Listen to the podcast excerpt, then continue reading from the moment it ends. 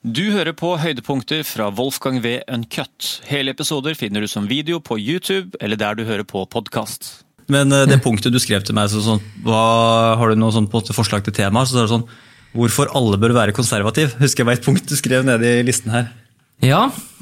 hva, hva legger du i den, da?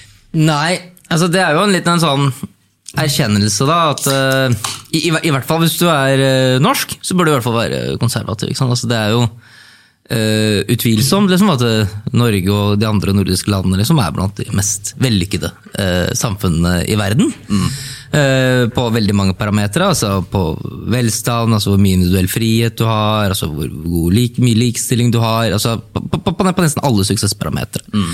Uh, og uh, det er jo også en kjensgjerning, tror jeg, at de aller fleste land uh, gjerne vil bli som Norge på et eller annet vis. Altså, det er en grunn til at land i Norden for eksempel, er veldig attraktive innvandringsland. altså Mange har lyst til å bo i et sånt land. som er så, og Ut fra det så kan du liksom du kan jo komme til en erkjennelse da, at Eh, grunnen til at ikke alle land er som, som Norge, liksom, eller så vellykkede, er jo at det er vanskelig å få til. Mm.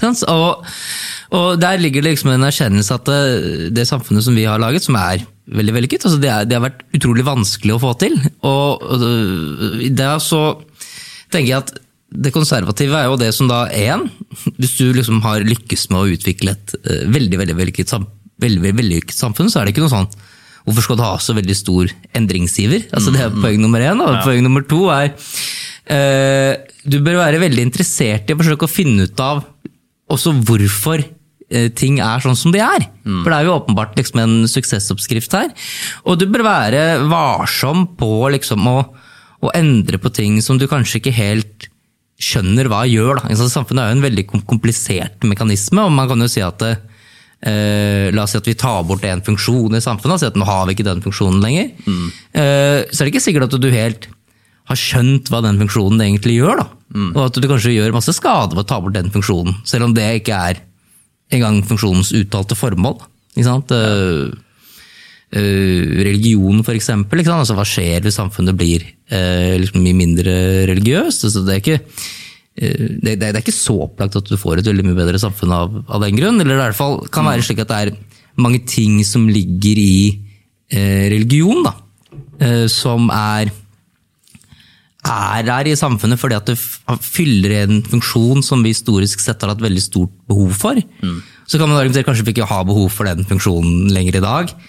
Uh, innenfor religionen så er det jo mange ting som er sånn. ikke sant? Altså, Eh, man kan jo si at I religiøse tekster så har man laget regler og dogmer for hva du kan spise og ikke spise, antagelig basert på sant, hva slags type mat er det du har stor sannsynlighet det kan være fordervet og den type ting. altså Et mm. moderne kjøkken og sånn, så er jo den type regler ikke, kanskje ikke så, så rasjonelt begrunnet, men det kan være andre grunner. ikke sant, så Psykologiske behov om tilhørighet, felles sosiale arenaer, som er en funksjon som religion fyller. da. Mm. Og Hvis ja. du tar det vekk, så vil du, ok, åpner du et spillerom for noe annet å være i det rommet. og Hva skal det være? Liksom? Ja, det, så, sånn eh, Forhistorisk var jo mye mer sånn observant på fenomenologi. Eh, at vi visste at dette her bør ikke gjøres sammen. Vi kunne ikke forklare type, altså bakterier hvis man ikke om, men visste man skulle ikke drite og ha maten på samme sted. Man på et eller annet tidspunkt skjønte hm, kanskje en fin ting å adskille disse tingene fra hverandre. Da. Og så med ting som jeg syns er sånn fra å være liksom den naive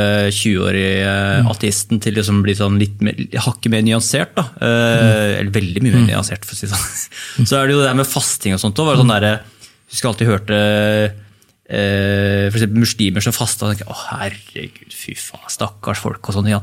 Men så er jo alle religioner har jo nesten en eller annen form for fasting i historiene sine, eller liksom korporert inn i, i systemene og, og, og virke. Og det, og det med fasting uavhengig av at jeg selv gjør det eh, ikke-religiøst, så merker jeg liksom det er en, det er en visdom der som, som, flere og flere driver og forsker på nå snakker om, diskuterer, og det er podcaster og det er timevis materiale på det greiene her nå. Det er store bevegelser òg. Mm. Men det er, det er, når, du, når, du, tester ut selv, da, når du mm. går opp den fjelltoppen og, og, og faster og som, ser hvordan det ser ut på toppen, så er det sånn ja, det er noe med det her. Altså, du kan ikke forklare det nødvendigvis. Du må liksom ha gått det fjellet selv. og så er det sånn, hm, Nå skjønner jeg på at det er, det er noe gammel visdom der som er der for en grunn, og som har overlevd også gjennom århundrer, årtusener, for en grunn. da. Ja, altså du kan jo si at det, Jeg tror vel at veldig mye av det som ligger i religionen er jo si sånn korre- korre- korrelasjonsbasert læring. Altså Vi vet ikke akkurat hvorfor det er sånn, men vi vet at eh, hvis du gjør disse tingene her, eh, så får du det kanskje litt bedre enn hvis du ikke gjør det. Eller ikke gjør det her. ikke sant? Og så har man ikke visst helt hvorfor, men man har kanskje knyttet det til en eller annen sånn mytologisk forklaring, da, også for at det skal kunne bli, bli bevart som kunnskap opp gjennom historien.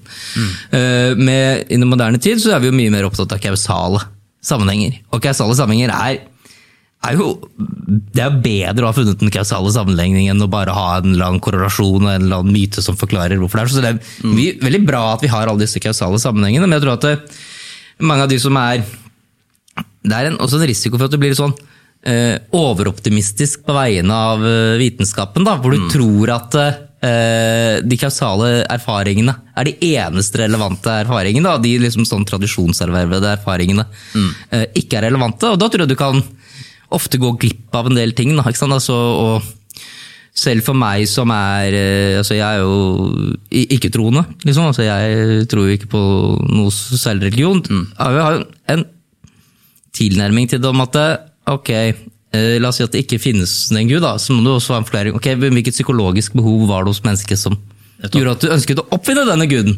Eh, og er det behovet nå fullstendig borte? Og i så fall så må du argumentere for hvorfor du mener det behovet er Eller helt borte, eller eller- erstattet av et eller annet annet. ikke sant? Og hvorfor det i så fall er, er bedre om det er erstattet med dette her. Eh, og jeg er, ikke- jeg er ikke så overbevist liksom, over at uh, uh, bare liksom, folk uh, liksom, blir mindre kristne, og så blir de mer smarte, og du kan ha mer velorganiserte samfunn. Så det er ikke noe ikke det, er, det er ikke noe åpenbart i moderniteten liksom, at sekulariseringen av samfunnet har gjort samfunnet så mye mer oppvakt. Men du kan jo si at det også er reaksjonære kristne som er veldig sånn antivitenskapelige. da. Som det liksom også er De går jo også i en grøft, kan du si. Men jeg tror man bør forsøke å finne en eller annen form for balanse, og det ligger jo liksom også i litt i dette konservative. Det, det er jævlig farlig å hive liksom all, all uh, kulturell arv og historie og religionshistorie og type, altså det, uh, det som har bygd opp både nasjonen og vår, og vår sånn nordisk kultur liksom bare over natta, så er det sånn ja, ok, men liksom, Man tar ting bokstavelig, altså tar Bibelen bokstavelig, tar historiene, eh, prøver å definere hva Gud er, og latterliggjøre det, så er det så mye som går liksom ned i sluket samtidig. da. Det syns jeg er litt sånn eh, det mest eh, skumle med det. med, så, Som også tenkte sånn som ateist, at man er sånn veldig, veldig skråsikker på sånn, at man skal ikke ha noe med det å gjøre. Jeg tror man taper veldig mye på liksom å, å rive vekk de tingene som, som eh, hadde jo en, hadde en ting, F.eks. det med, jo, med ekteskap og monogami. da. Så det er på en måte, det er ikke noe der er det også De lærde strides ganske mye om sånn, hva, hva er riktig, hva har vi faktisk gjort som huleboere, hva gjorde vi som de første sivilisasjonene og de første byene, har vi alltid vært monogame. Men sånn, hvis du bare tar dagens statistikk, da, så er det jo helt åpenbart at monogami og ekteskap gjør samfunnet bedre. Da. Det er altså mindre kriminalitet, det er bedre med barna, og, far og mor er sammen osv. Helt overveldende statistikk på at det er liksom det beste for, for familier og barn og for samfunnet generelt, at man har familier som, som holder sammen. Da. Eh, Så det er også sånn type ting man ikke nødvendigvis skal kreditere én spesifikk religion for, men det er liksom noe av, den, noe av det som på en måte kanskje har gjort at Norge har blitt det det hadde blitt, er jo de eh, skal vi si, både tvangsdraktene og de eh, dogmene og de reglene på en måte man har levd etter og trodd på gjennom århundrer. Ja, og du kan jo si at det er jo ikke opplagt at en religion heller promoterer monogami. Religioner som Nei, nei, nei, faktisk. promoterer eh, polygami. uh, og jeg tror det skaper, liksom, det skaper e- enorme problemer for de samfunnene som praktiserer polygami, fordi at det skaper en en skjevhet der hvor, eh, ja, der, hvor, der hvor et gode som er veldig viktig, da, som er liksom uh, sex og samliv, liksom, Mm. blir ekstremt skjevt fordelt. Som skaper enormt mye sinne også internt i liksom, de samfunnene som praktiserer det. Mm. Eh, og kanskje, kanskje man også ser litt sånn tilløp til det i, i eh, Ja, kanskje litt i den vestlige verden også, med litt sånn incels. Det er jo også sånn, det er typisk noe som ville kanskje være vanligere polygamiske eh, eh, kulturer. da. For at det må det jo naturlig bli ganske mange incels. altså For hver mann som har fem koner, så er det Ja, ja. fire mann som ikke har en kone. liksom. Altså det, Sånn er den eneste matematiske måten det kan gå på. Men det, det der polyamori, det er jo sånn, det er jo, kan jo godt si det at teknologien har jo henta mer der, på en måte vært mer inn på de religionene og de kulturene som har dyrka flerkoneri med tanke på Tinder og disse appene hvor liksom egentlig alfaene stikker av gårde med, med, alt og alle, og så tar liksom p-pillen på toppen av der igjen. Som liksom den liksom komplette seksuelle frigjøringen hvor da liksom kvinner kan velge veldig i stor grad hvem de har lyst til å, å ha, liksom prøve å innlede et forhold med, eller faktisk innlede et forhold med. Og det er jo sånn Man går jo etter de mest attraktive mennene der, som da får alt. Og så er det jo sørgelig statistikk på, på menn som Det var litt interessant å vite på en måte om det alltid har stemt, alltid vært sånn at, at Og det har det vel egentlig også, at, det er en stor andel menn som aldri får barn og aldri forplanter seg videre. Og at man også har flere kvinner i slektstreet sitt enn man har menn. Jordan Peterson prøver å forklare det på et eller annet vis.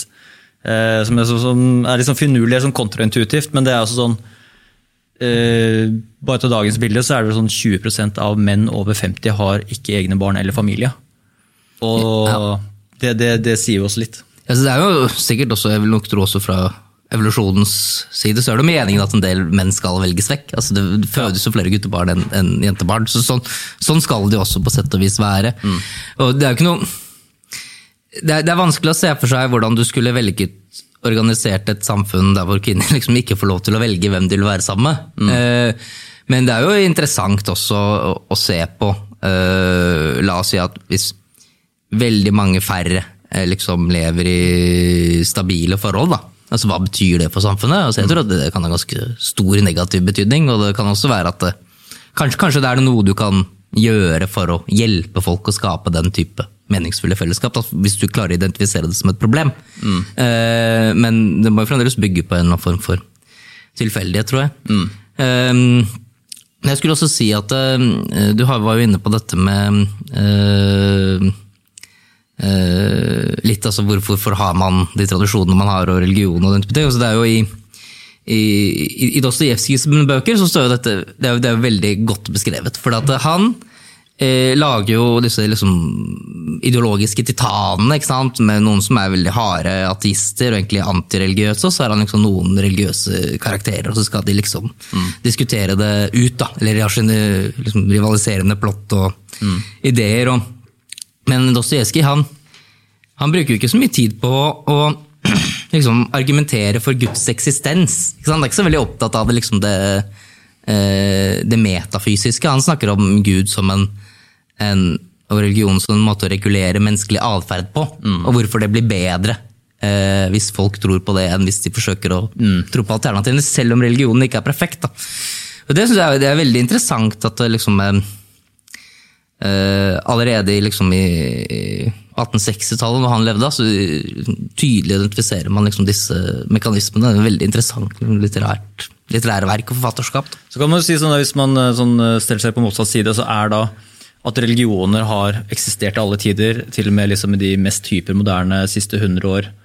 Er det, det, er det da liksom fordi vi aldri har hatt noen eh, konkurrerende trossystemer som har vært evnet til å danke ut de etablerte religionene før nå, da, med teknologier, kanskje sånn eh, nye typer livssyn, altså globalisme, hele pakka, menneskerettigheter Pick your battle, holdt jeg på å si. men Eh, eller er det det at liksom religionene har overlevd eh, ja, i så lang tid av rett og slett den gode gamle Lindy-effekten til Nassim? Liksom, at, det, at det, er, det, er, noe der som, som ikke er at vi, Det er en grunn til at det overlevde i så mange år. Eller at det ikke har konkurrenter. Det er, jo, er, det en måte å se, se, det på også? Jeg tror ikke det ene utelukket ikke det andre, da, av de to mm. uh, resonnementene. Men selvfølgelig, altså, konkurranse er jo Eh, er jo veldig viktig. Altså Den type menneskelige systemer som har overlevd over hundrevis i år. altså De overlever fordi de har et eller annet konkurransefortrinn. Mm. Sammenlignet med et eller annet annet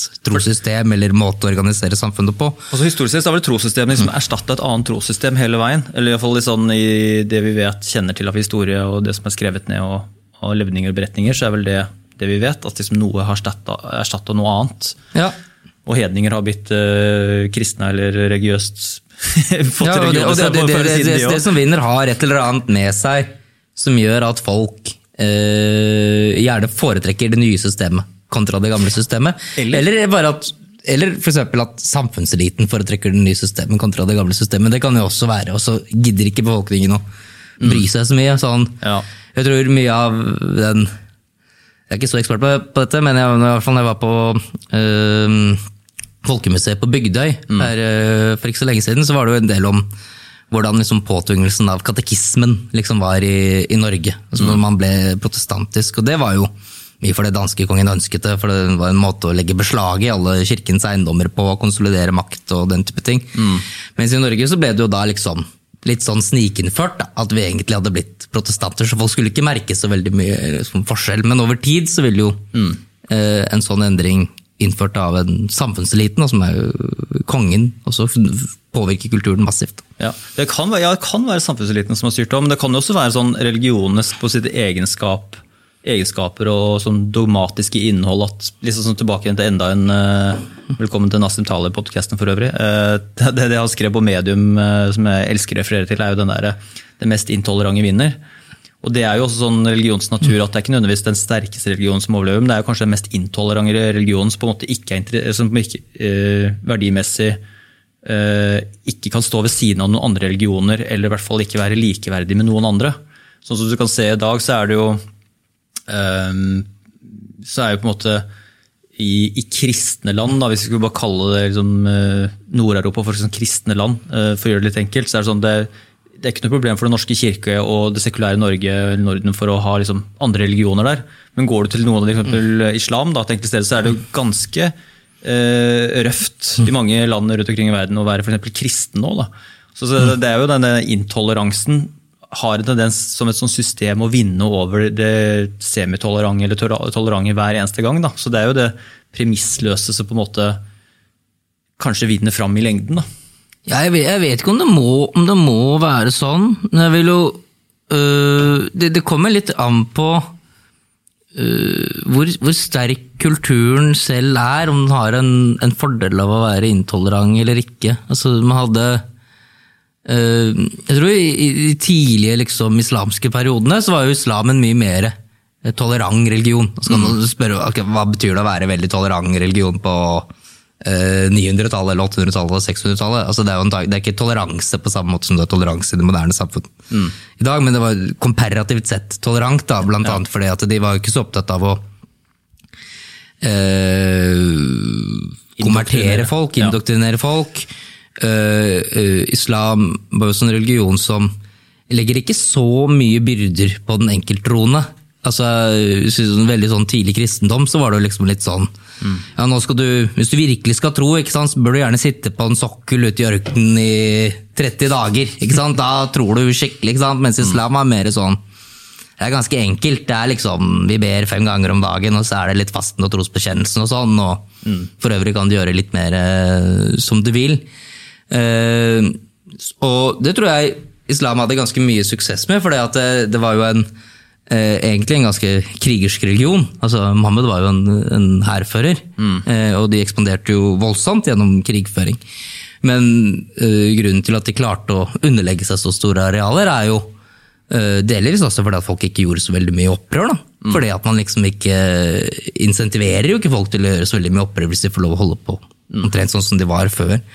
Så det, det kommer litt an på, tror jeg, eh, situasjonen. Jeg tror at de som er eh, ganske sterke historisk sett, har, har nok en del å hente på å være tolerante. Mens liksom eh, eh, de som er svake, nok er helt avhengig av å lage en egen dynamikk da, for ikke drukne i majoritetskulturen eller Men sånn historisk sett, Jeg har jo lest mye om vikingtida, spesielt liksom eh, slutten av vikingtiden og kristningen av Norge og Olav Haraldsson, så det elsker jeg å lese om. Uh, Tore Skeie er vel en eh, first pick der for dere som har lyst til å vite Krist. Eh, og det er jo litt sånn interessant at jeg bare kom til å tenke på nå, er det Går det fortere å forandre folks trossystemer ved å konvertere liksom fra ett trossystem til et annet? enn det er å forandre folks si, kultur. Da. Eh, Det er egentlig to forskjellige ting oppi mitt hode. At du kan kanskje gå fra liksom, hedning, norrøn, back in the days til ok, jeg kan akseptere kristendommen, eh, men altså, kulturen, er- kulturendringer er vi ganske var for, og det tar fryktelig lang tid å endre Bare se liksom, hvor komplekst Europa er. hvor liksom, eh, har Asle Toyer som har vært, liksom, reist ut omkring i Øst-Europa. bare sånn, Hvor mange sånn enklaver og liksom, bare hvor splitta de forskjellige landene er. tenker sånn, Ungarn er Ungarn og Bulgaria er Bulgaria.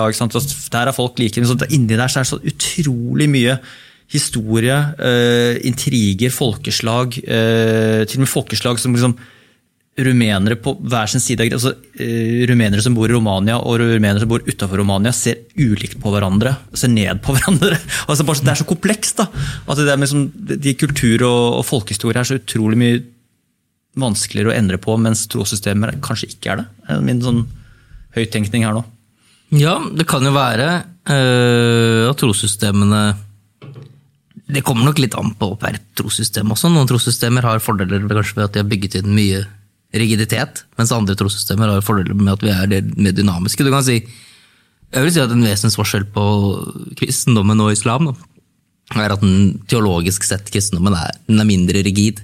Mm. Så her er det liksom her alle, alle vet at liksom, Bibelen den er skrudd sammen av noen som var på et kirkemøte i Nikia, hvor dere stemte litt over hører dette verset med, og hvem får være helgen, ja. og sånn og sånn. ikke sant? Mens islam er jo mer Her er Guds endelige ord. Og det er jo liksom ingen som har gnidd og gnukket på det, liksom. Det er, uh, så ja, kommer litt an på. Men jeg tror uansett at uh, enten både kultur og religion, så tror jeg at det nok uansett i den moderne alder er sånn at det er, er kanskje er blitt litt lettere å endre på ting. At folk mm. liksom endrer seg fortere og skaper masse rare subkulturer og identifiserer seg som alt mulig rart og kanskje lager ja, nye religioner og sekter. Så det, det, jo, mm. det, har aldri vært lettere å markedsføre ideer enn det det er i dag. Så at du får større idéheterogenitet med mm. veldig mange subkulturer, det er jo kanskje ikke så naturlig.